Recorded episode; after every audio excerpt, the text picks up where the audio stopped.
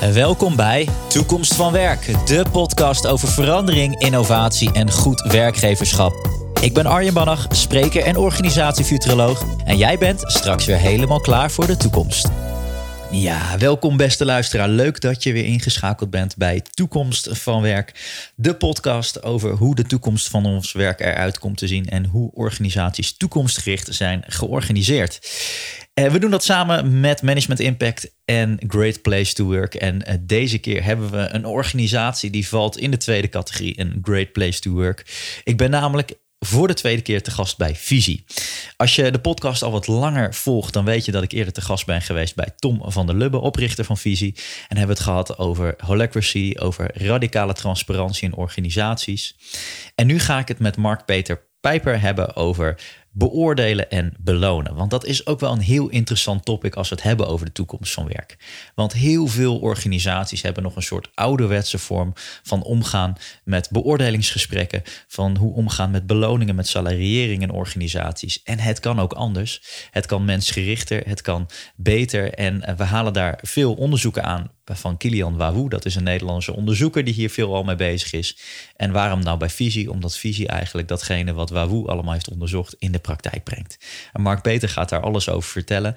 En ik weet ook zeker dat je na het horen van dit interview anders gaat kijken naar de manier waarop je in jouw organisatie bezig bent met beoordelingsgesprekken, met het geven van feedback en ook de bonussen en beoordelingen die daar wellicht aan gekoppeld zijn. Dus ik weet zeker dat je daar veel uit gaat halen en ook vooral de oproep om hier stappen in te gaan zetten, want dit zijn van die kleine dingen die een groot verschil kunnen gaan maken in een organisatie. Tot slot wil ik je nog even oproepen om, als je dat nog niet hebt gedaan, naar toekomstvanwerk.nl te gaan. Daar kan je de andere afleveringen zien. Uh, die van de oude podcast, maar ook de eerste van Toekomst van Werk met Elke Gerards. En als je het leuk vindt, kan je daar ook een mini-boekje downloaden van Organisatie Vibe. Mijn boek dat in november vorig jaar uitkwam. En dat krijg je dan gewoon gratis in je mailbox. Dus doe dat vooral. Ga naar toekomstvanwerk.nl en ga nu genieten van het interview met Mark-Peter Pijper. Ik ben in gesprek met Mark Peters van Visie. Uh, Mark Peter, allereerst welkom in de podcast. Dankjewel. En, uh, en niet de eerste van Visie die, uh, die te gast is, want jouw collega Tom van der Lubbe is ook al in een van de afleveringen te gast geweest. Dat was nog in de oude podcast Energie aan het Werk. En we zijn nu getransformeerd naar Toekomst van Werk. En uh, daar past ook heel goed het thema van vandaag uh, in. En daar gaan we het later over hebben. Maar de eerste vraag, en dat is dan ook weer een nieuwe vraag bij de podcast. En Mark Peter, je hebt je er helaas niet op voor kunnen bereiden. Maar de vraag die ik nu altijd stel is: toekomst van werk. Wat is dan het allereerste wat in jou opkomt? Mensen op de eerste plek. Ehm, veel bedrijven maken nog steeds de fout door mensen als resource te definiëren. En op het moment dat je dat doet, mensen als resource, dus als een soort van machine uh, bekijkt die je aan of uit kan zetten en, waar dan een, bepaald aantal stuks uit kan komen, uh, ja, dan heb je al een verkeerde afslag genomen. Dus mensen op de eerste plek, ik zou zeggen, human resources, schaf het helemaal af en noem het people of human. maar dat zou ik zeggen is, is stap 1 naar een betere toekomst van werk. Oké, dus de mensen moeten meer centraal staan.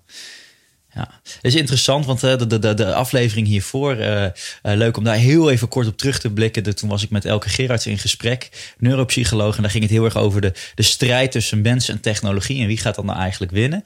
En zij zei ook, ik heb veel vertrouwen in dat de mens altijd belangrijk blijft, zolang we ons maar blijven richten op de, onze unieke menselijke eigenschappen. En jij sluit er eigenlijk ook wel weer aan.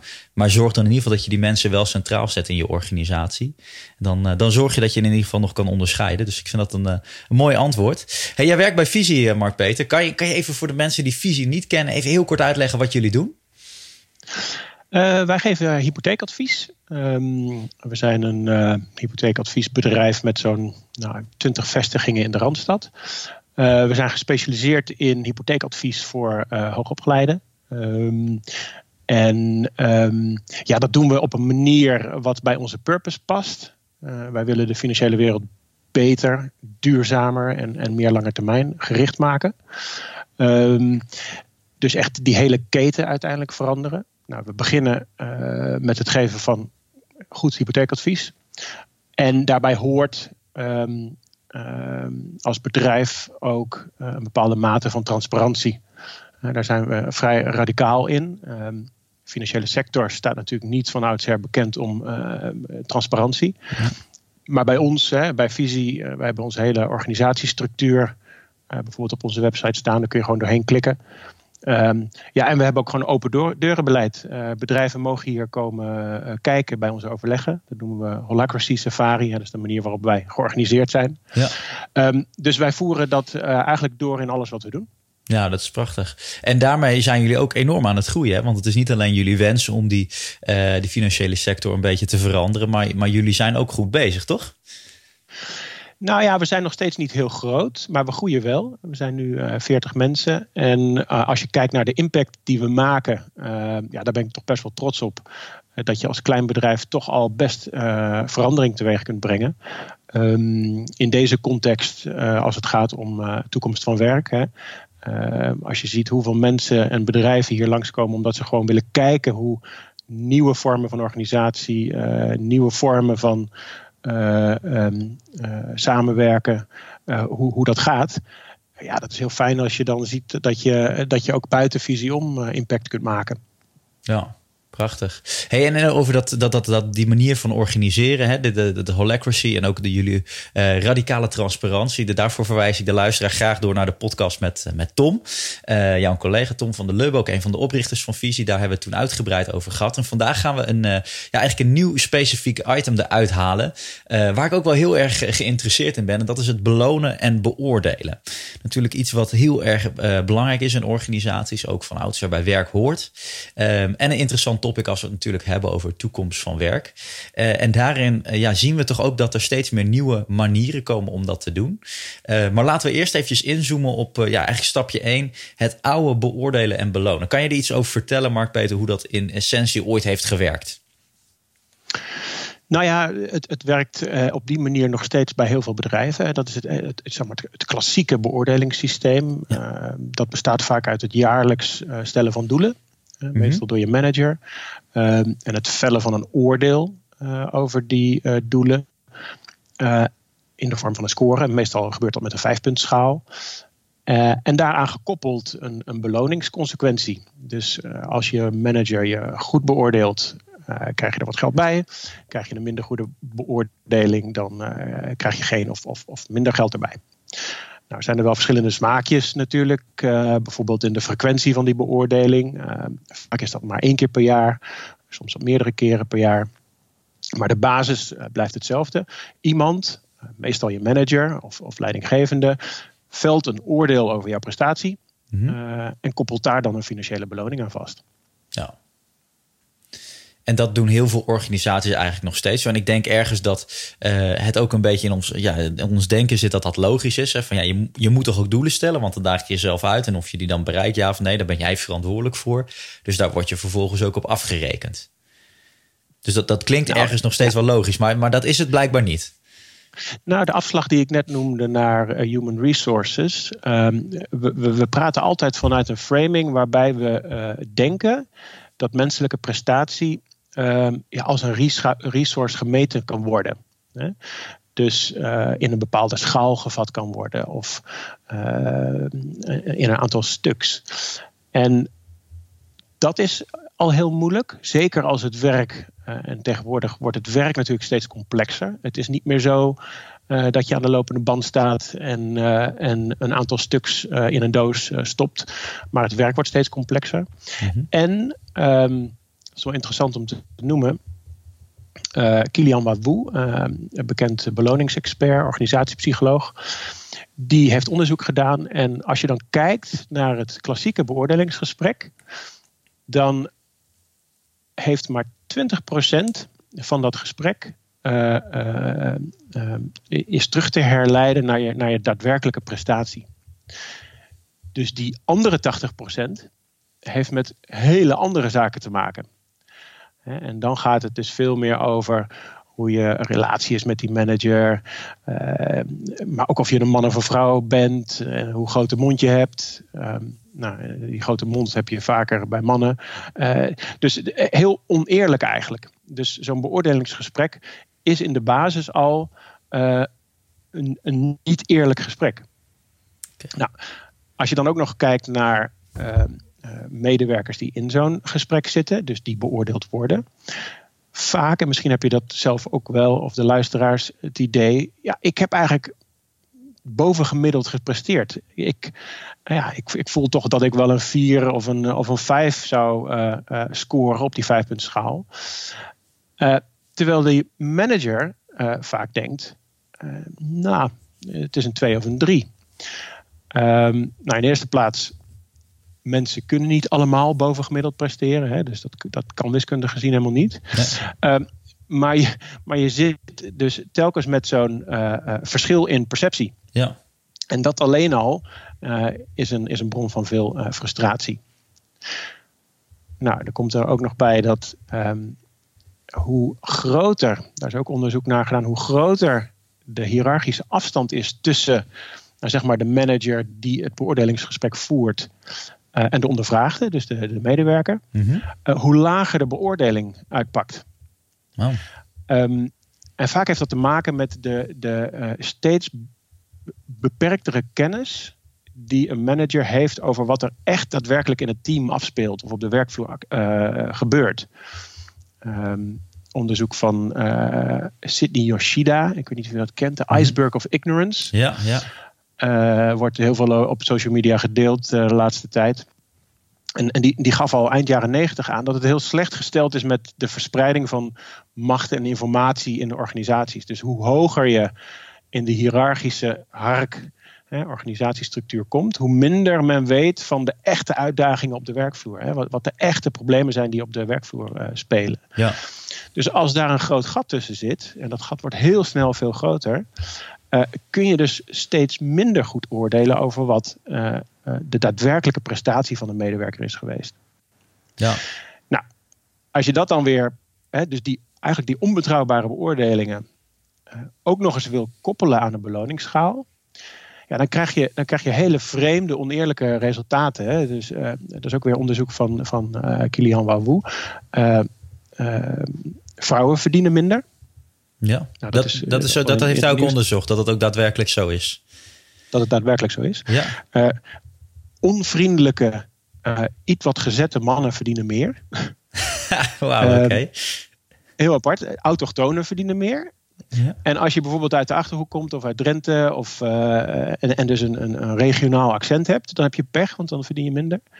Uh, aantrekkelijke mensen verdienen weer meer. Uh, en lange, lange mensen verdienen weer meer. Dus eigenlijk hele gekke resultaten, die dus helemaal niks te maken hebben met de uiteindelijke prestatie van, van mensen. Nee. Nou, en wat mij betreft is het dan ook geen wonder. en iedereen voelt dat ook vaak zo'n beoordelingsgesprek, ja, je komt er vaker gedemotiveerd uit dan, dan super gemotiveerd. Ja. Um, nou, en dan, en dan heeft Wawoe in zijn onderzoek ook nog eens uitgerekend, zo ongeveer, wat dat hele proces nou eigenlijk kost. Zo'n hele beoordelingscyclus uh, in, in BV Nederland. Hij zegt, jaarlijks zijn we er zo'n 1 miljard euro aan kwijt.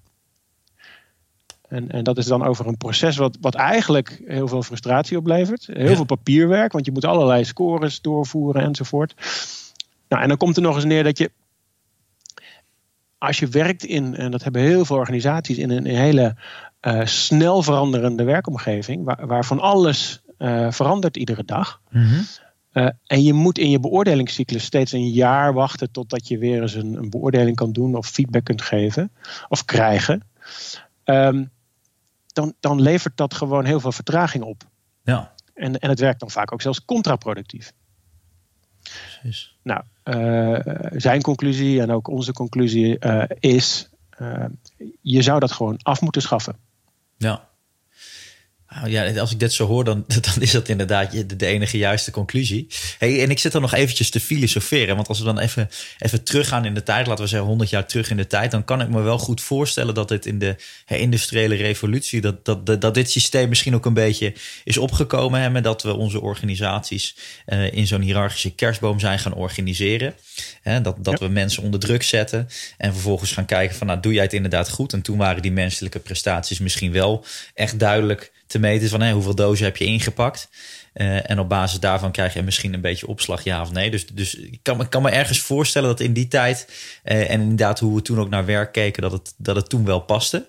Uh, maar tegenwoordig, nu zijn we 100 jaar later, verder dan die industriële revolutie, dat, dat het eigenlijk helemaal niet meer logisch is om het nu op deze manier te doen. En dan, dan is mijn vraag nog even, Mark Peter, voordat we dan naar de, naar, naar de stap gaan hoe het dan eventueel wel zou moeten. Als je dan kijkt, waarom houden we je dan wel met z'n allen aan vast? Goeie vraag.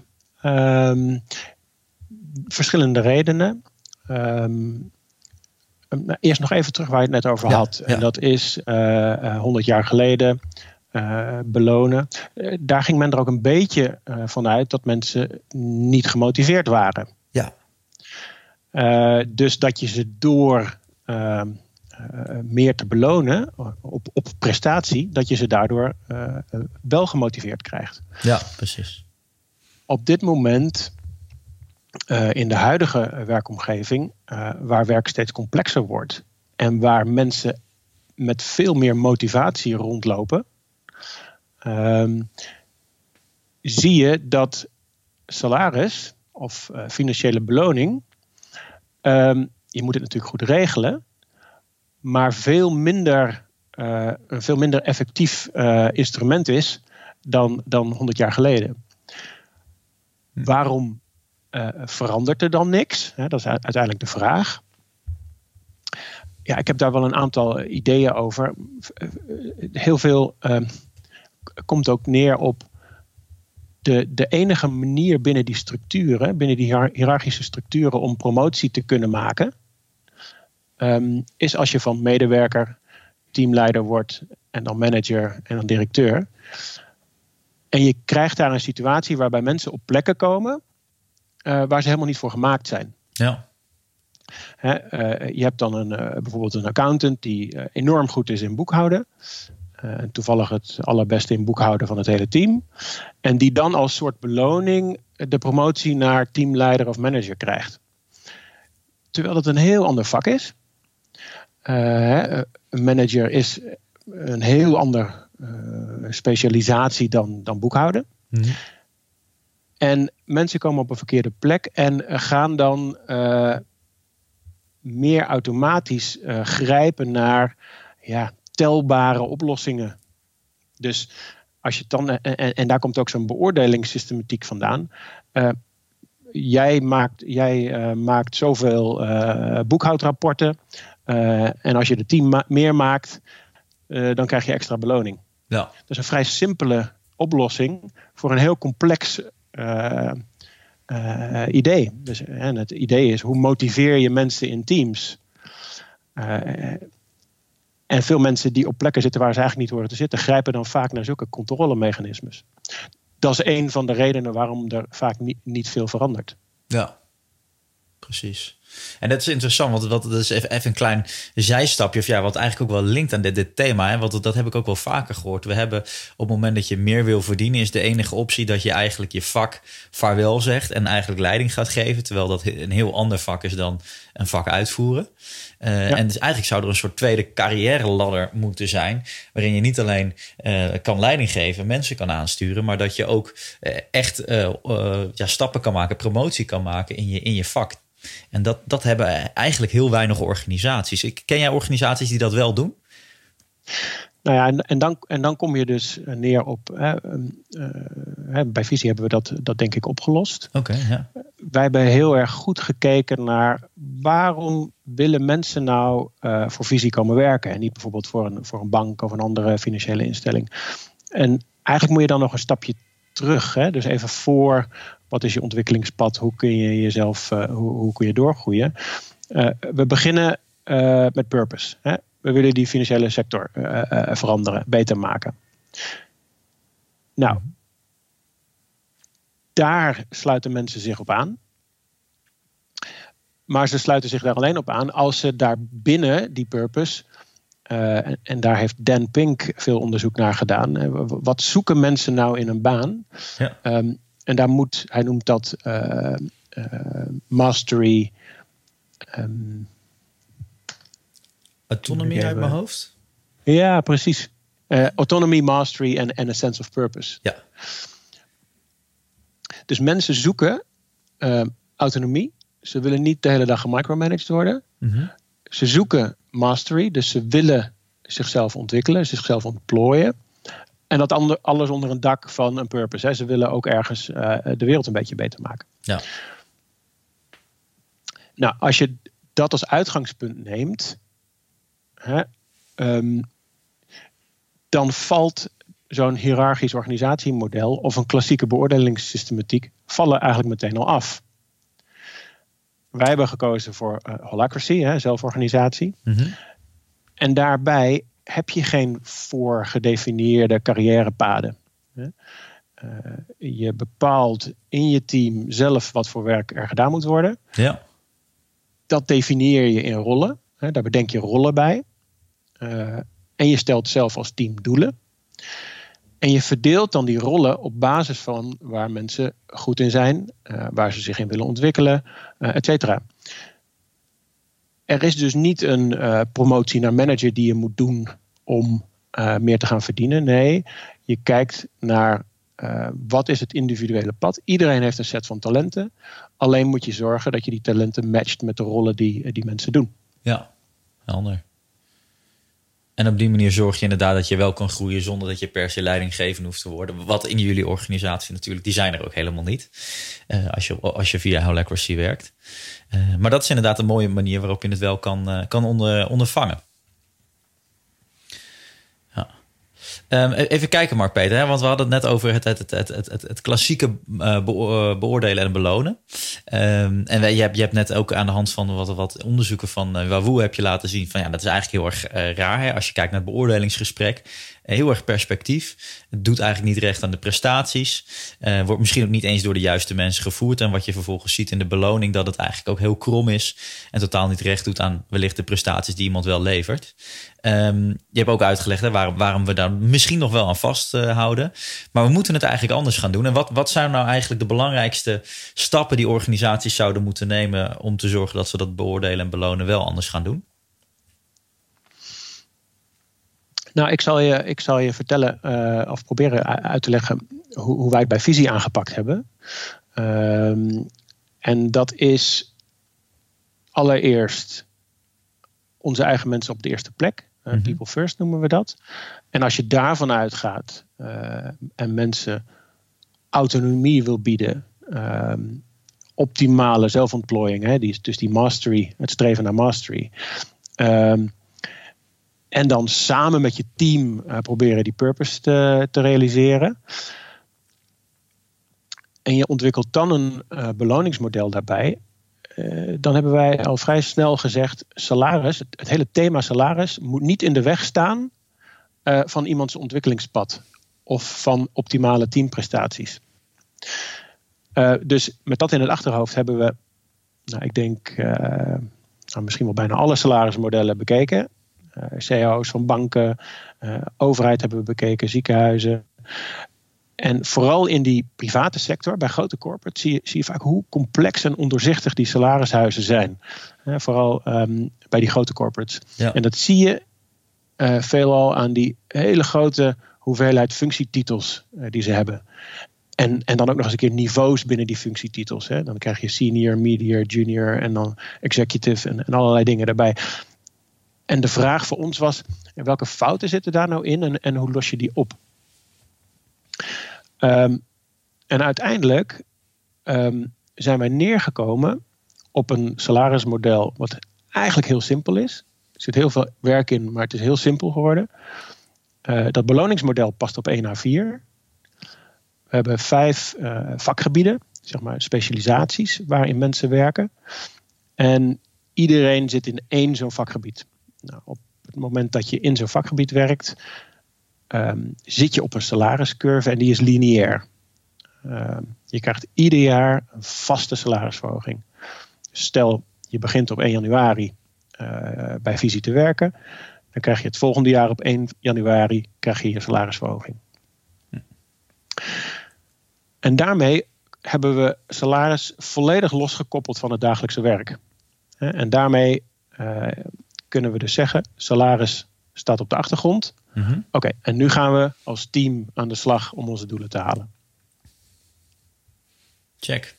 Dus jullie zeggen daarmee eigenlijk ook indirect dat, uh, wat je eigenlijk eerder ook al aangaf, dat salaris helemaal niet het middel is wat mensen motiveert om harder te werken, zolang ze maar aanhaken op de purpose van het bedrijf.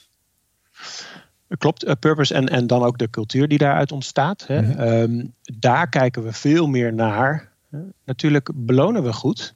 We hebben natuurlijk uh, heel veel onderzoek gedaan en, en, en datapunten verzameld. Ja. Uh, en ons natuurlijk op een bepaalde hoogte gezet qua beloning. We hebben gezet van we oriënteren ons ongeveer op het, op het topkwartiel van, van ieder vakgebied. Um, maar daarna en dat is ook wel een geinig onderzoek van weer Kilian Wawu. Die heeft gezegd van uh, als je kijkt naar de redenen waarom mensen vertrekken bij een organisatie. Mm En waarom ze weggaan. dan komt salaris niet eens in de top 10 voor. Nee. eigenlijk is die hele top 10 is gevuld met dingen als uh, slechte relatie met de, met de manager. Geen goede teamsfeer. Uh, de doelen zijn niet duidelijk. Uh, er wordt oneerlijk werk verdeeld. of een te grote werkdruk. Dus het zijn allemaal dingen die je eerst opgelost zou moeten hebben. voordat salaris heel belangrijk wordt. Ja. En dat zijn juist de dingen waar, als je daarover na gaat denken, bedrijven over na zouden moeten denken. Van wat, wat kunnen we nou eerst oplossen? Precies. En eh, daarmee zeg je misschien ook wel van uh, dat, dat op het moment dat je zegt van nou we moeten naar een, een salarismodel gaan kijken hoe we mensen daarin uitdagen. Want even de, de advocaat van de duivel zou kunnen zeggen van ja, maar mensen gaan juist harder werken, gaan meer inzet tonen.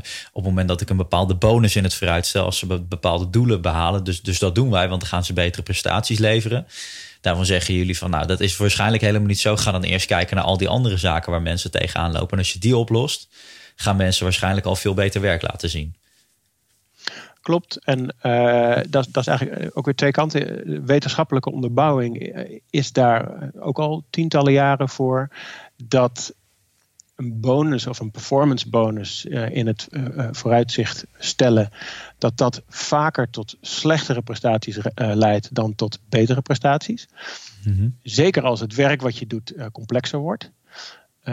Dan is uit onderzoek blijkt dat dan je prestatie zelfs slechter wordt.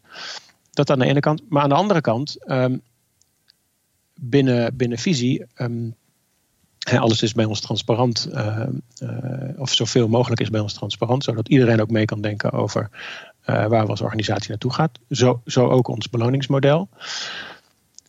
We werkten tot voor kort nog met een, met een teambonus, waar een, een, performance, een team performance target aan zat. Alleen uit het team kwam ook de opmerking: luister, wij gaan niet harder of beter werken door die bonus. Um, dus eigenlijk hebben we dat losgekoppeld van elkaar. Ja. Dus die bonus is dat helemaal los van uh, prestaties? Of? Die, uh, nou, het, het, leuke is dat uh, je, hebt, je, hebt, je hebt bij veel bedrijven bijvoorbeeld, je krijgt een dertiende maand als het bedrijf winst maakt. Ja. Uh, uh, dat is dus een, een, performance. Maar dat zegt in principe niets of heel weinig over de prestatie die mensen hebben geleverd.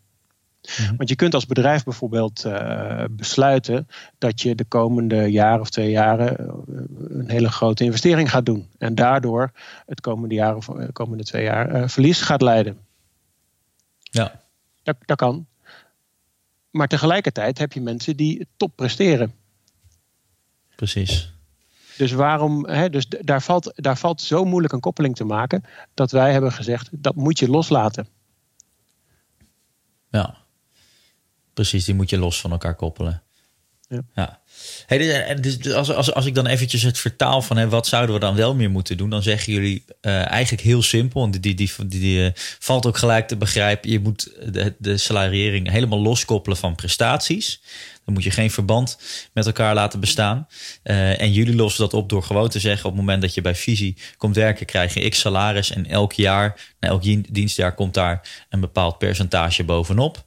Dus de ervaren mensen, daarvan zeggen jullie wel, die, die leveren wellicht betere prestaties omdat ze meer ervaren zijn. Dus die verdienen iets meer dan de mensen die jong in de organisatie zijn. Klopt dat? Nou, je, je, als we dan eens kijken naar een van de vakgebieden, uh, bijvoorbeeld van, van hypotheekadvies, hè, daar zitten onze hypotheekadviseurs in. Uh, de meeste die beginnen uh, meteen na de universiteit hier met, met werken. We leiden ja. ze ook helemaal op tot hypotheekadviseur. Dan begin je ja, met nul jaar werkervaring op die curve. en dat is een startsalaris van 3250 euro. En je krijgt dan ieder jaar dat je verder uh, of langer bij Visie werkt, uh, krijg je daar een salarisverhoging van 200 euro. Ja. En die, die curves hebben we ook beschreven. Hè? Dus van wat kunnen we van elkaar verwachten? Hè? Wat voor type rollen kunnen we van elkaar verwachten als je doorschuift op die, op die curve? Ja. Mooi. Ik vind het, eh, ik vind, ik vind het, eh, vind interessant om, om te kijken, hoe, hoe, om, om te horen hoe jullie dat doen, Mark Peter. Dat is, dat, volgens mij is, is, is, dit eigenlijk heel simpel, maar toch vernieuwend. En zouden heel veel bedrijven daar eigenlijk juist van kunnen leren. Om, om, om het zo op zo'n manier, zo'n manier aan te gaan pakken. Waar, waar ik nog wel benieuwd naar ben, is, is hoe jullie de beoordelingsgesprekken dan vervolgens doen. Nou, beoordelingsgesprekken als vorm hebben wij niet meer. Eén stap terug en dat is dat um, um, zo'n zo belonings- en beoordelingssystematiek. Mm -hmm. je, je, je, moet als bedrijf goed nadenken over waarom zetten we dat eigenlijk in. Hè, bij Visie is dat wij willen uh, voor iedereen hier de mogelijkheid bieden om zichzelf optimaal te ontwikkelen. Dus -hmm. geen voorafgesproken pad waar je langs moet. En we streven naar maximale teamprestaties. Nou, en op dat uh, tweede punt, teamprestaties, um, ook een uh, interessant onderzoek van uh, Harvard-professor Amy Edmondson. Ja. Die um, onderzocht wat nou de voorwaarden of de variabelen zijn voor top-performing teams. Uh, en zij is bekend geworden door het uh, Aristotle-project uh, van Google. En Google was ook benieuwd naar wat, wat, ja, wat maakt het nou dat onze teams top presteren. En, en daar keken ze naar allerlei elementen. Hè, samenstelling van de groep, man-vrouw, groepsgrootte, verdeling van de skills, ehm, maar ook hoe, hoe besluiten genomen werden. En wat daaruit kwam, was dat Um, zij heeft het eh, psychological safety genoemd. Mm -hmm. Dat uh, het gevoel van veiligheid, uh, dat dat by far het belangrijkste onderdeel was van een top-performing team. En veiligheid gaat erover dat je uh, vrij bent om elkaar feedback te kunnen geven. Uh, vrij bent om uh, vragen te stellen. en dat je vooral ook fouten mag maken. En dat je die fouten dan ook toe kunt geven hè, ja. in je team. En, en daar ook voor gewaardeerd wordt. Precies. Dat is het belangrijkste voor een team om top te presteren. Nou, dan is het dus als bedrijf dat alle structuren die je implementeert om dat te bereiken, dat die dat ondersteunen.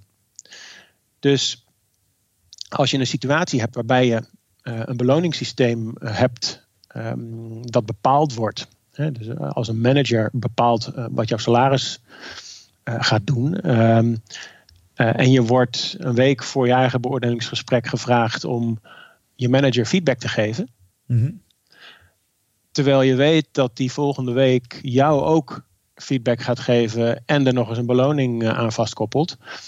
Ja, ik zou bijna zeggen dat is een recipe voor disaster. Want ja, ja. natuurlijk is dat geen volledig eerlijke feedback. Want je wil een goede score hebben daarna. Nou, dat is dus weer een reden waarom dat losgekoppeld is. En bij ons uh, vindt uh, beoordeling eigenlijk iedere dag plaats. Ja, onze teams hebben iedere dag een, een, dagstart. En daarin, dat is een tactical meeting in Holacracy noem je dat. En daarin wordt iedere dag gesproken over wat je van de rollen die je zelf hebt bedacht met je team, uh, wat daarvan uh, van wordt verwacht. Hè? Je, je, verdeelt het werk en je geeft eigenlijk continu feedback over de prestatie van die rollen. Ja. Nou, mocht, mocht het voorkomen dat iemand in een rol niet goed presteert, of tijdelijk niet goed presteert in die rol, dan ben je er in eerste plaats al heel snel bij. Je hoeft niet te wachten tot een beoordelingsgesprek aan het eind van het jaar. Nee, je bent er dagelijks, zit je er bovenop. Uh, en dan ga je het eerst hebben over, ja, uh, doe je wel de goede rollen? Ja. Of kunnen we het werk anders verdelen?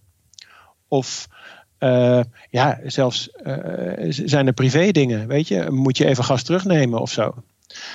Um, dus die beoordeling vindt plaats peer-to-peer -peer, in het team en dat werkt gewoon hartstikke goed. Ja. Wauw. Dus dat is eigenlijk, eigenlijk daarmee ook weer, weer volstrekt logisch. Het beoordelingsgesprek moet je eigenlijk gewoon vervangen door het dagelijkse gesprek. Um, en, en dat, dat klinkt misschien wel iets makkelijker dan het, dat, dat het daadwerkelijk is. Want je moet vooral zorgen dat je inderdaad een cultuur met elkaar bouwt die dusdanig veilig is dat men zich ook durft uit te spreken tegenover collega's. En altijd het gesprek durft aan te gaan over hoe het nog beter zou kunnen. Dat klopt. En uh, als je dagelijks zo'n gesprek hebt, dat is ook wel een leuke uh, tip. Als je dagelijks zo'n gesprek he hebt, dan worden issues ook nooit groter of ouder dan een dag. Mooi, ja. Uh, wat vaak ook een probleem is als je heel infrequent gesprekken hebt, in het ergste geval maar één keer per jaar, ja, dan zijn issues al, ja, dat zijn al draken van spanningen geworden. Ja. Uh, die, die je dan aan het eind van het jaar in één keer op moet lepelen of uh, feedback op moet geven. Nee, zorg ervoor dat je echt die, die frequentie hebt van het beoordelen, iedere dag. Dan, dan wordt het automatisch ook makkelijker om, uh, om, om die feedback te geven, om eerlijke feedback te geven. Ja, prachtig. Hey, en dan over dit thema, Mark Peter, de, de, laatste vraag. Want ik denk dat heel veel organisaties hier nog heel veel stappen in te zetten hebben. Um, wat, wat, zou nou het eerste stapje kunnen zijn? Het eerste kleine stapje wat je kan zetten richting dat nieuwe beoordelen en belonen? Nou, je kunt, um, dat, is, dat is vaak ook wel feedback die we krijgen. Um, jullie zijn een relatief kleine organisatie en veranderingen kunnen sneller gaan. Mm -hmm wij krijgen heel veel bezoek van ook hele grote bedrijven ehm, die hier komen om een bepaalde inspiratie op te halen. En meestal zeggen we van uh, begin eens op teamniveau. Uh, gewoon in een, in een team waar vertrouwen al groot is. En begin daar eens met een experiment. Ja. Um, of dat transparante salarissen is, of daily, daily feedback. het werken met rollen in plaats van functies. Eh, eh, die de teams zelf kunnen bedenken. Ehm, probeer dat gewoon eens. Want er zijn altijd honderd redenen waarom je iets niet zou doen. Maar als je klein begint uh, en op basis van je ervaring dan weer doorontwikkelt, uh, ja, dan, dan, dan, dan bouw je ook iets wat, wat van het team zelf is. Precies. Uh, als je dat laat doen door een afdeling of een HR, hoe erg het woord ook is, staf, uh, die dan op een beloningsmodel uitkomt en dat dan uitrolt over de organisatie. dan heb je vaak ook al een, een afstand tussen, ja, dat is, daar, dat is daar ontwikkeld, ja, en dat past helemaal niet binnen ons team. Uh, maar als je dingen start vanuit je team, dan is er uh, automatisch draagvlak voor. Ja, Mooi. En, en, en je zegt dus ook, en dat is denk ik ook wel een belangrijke kanttekening, begin klein en pak dan een team of een afdeling waar het vertrouwen al wel aanwezig is.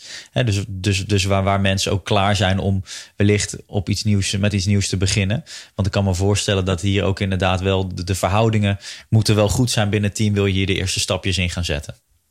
Ja. En dan kan de rest volgen. Prachtig.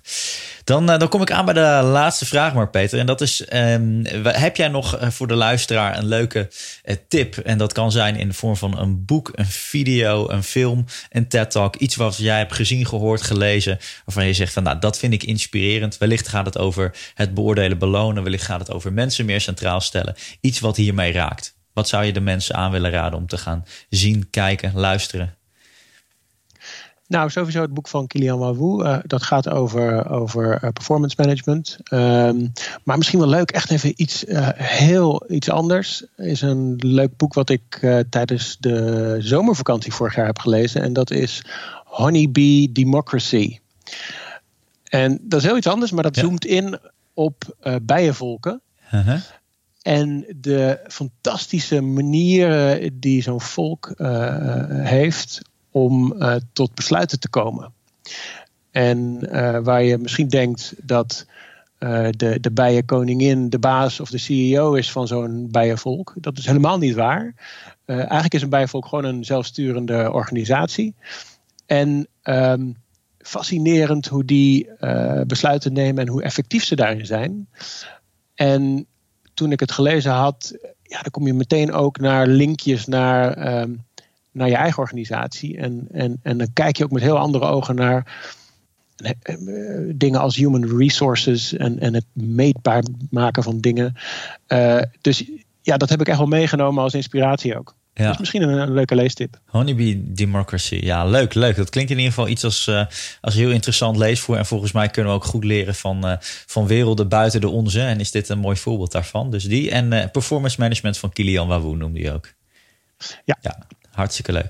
Super. Ik denk dat dit een paar hele prachtige inzichten zijn voor organisaties. Waar ik denk dat heel veel organisaties dit juist ook nog niet doen. En misschien ook nog niet kritisch genoeg naar kijken. Dus uh, ik denk dat hier heel veel waarde in zit voor de luisteraar. Dus Mark Peter, mag ik je hartelijk danken voor je bijdrage. Graag gedaan. En voor bedrijven die op bezoek willen komen. Uh, open deuren hier. Waar kunnen, ze, waar kunnen ze zich aanmelden? Nou ja, sowieso op onze website uh, visie.nl slash holacracy. Uh, daar delen we ook al alles over hoe we werken.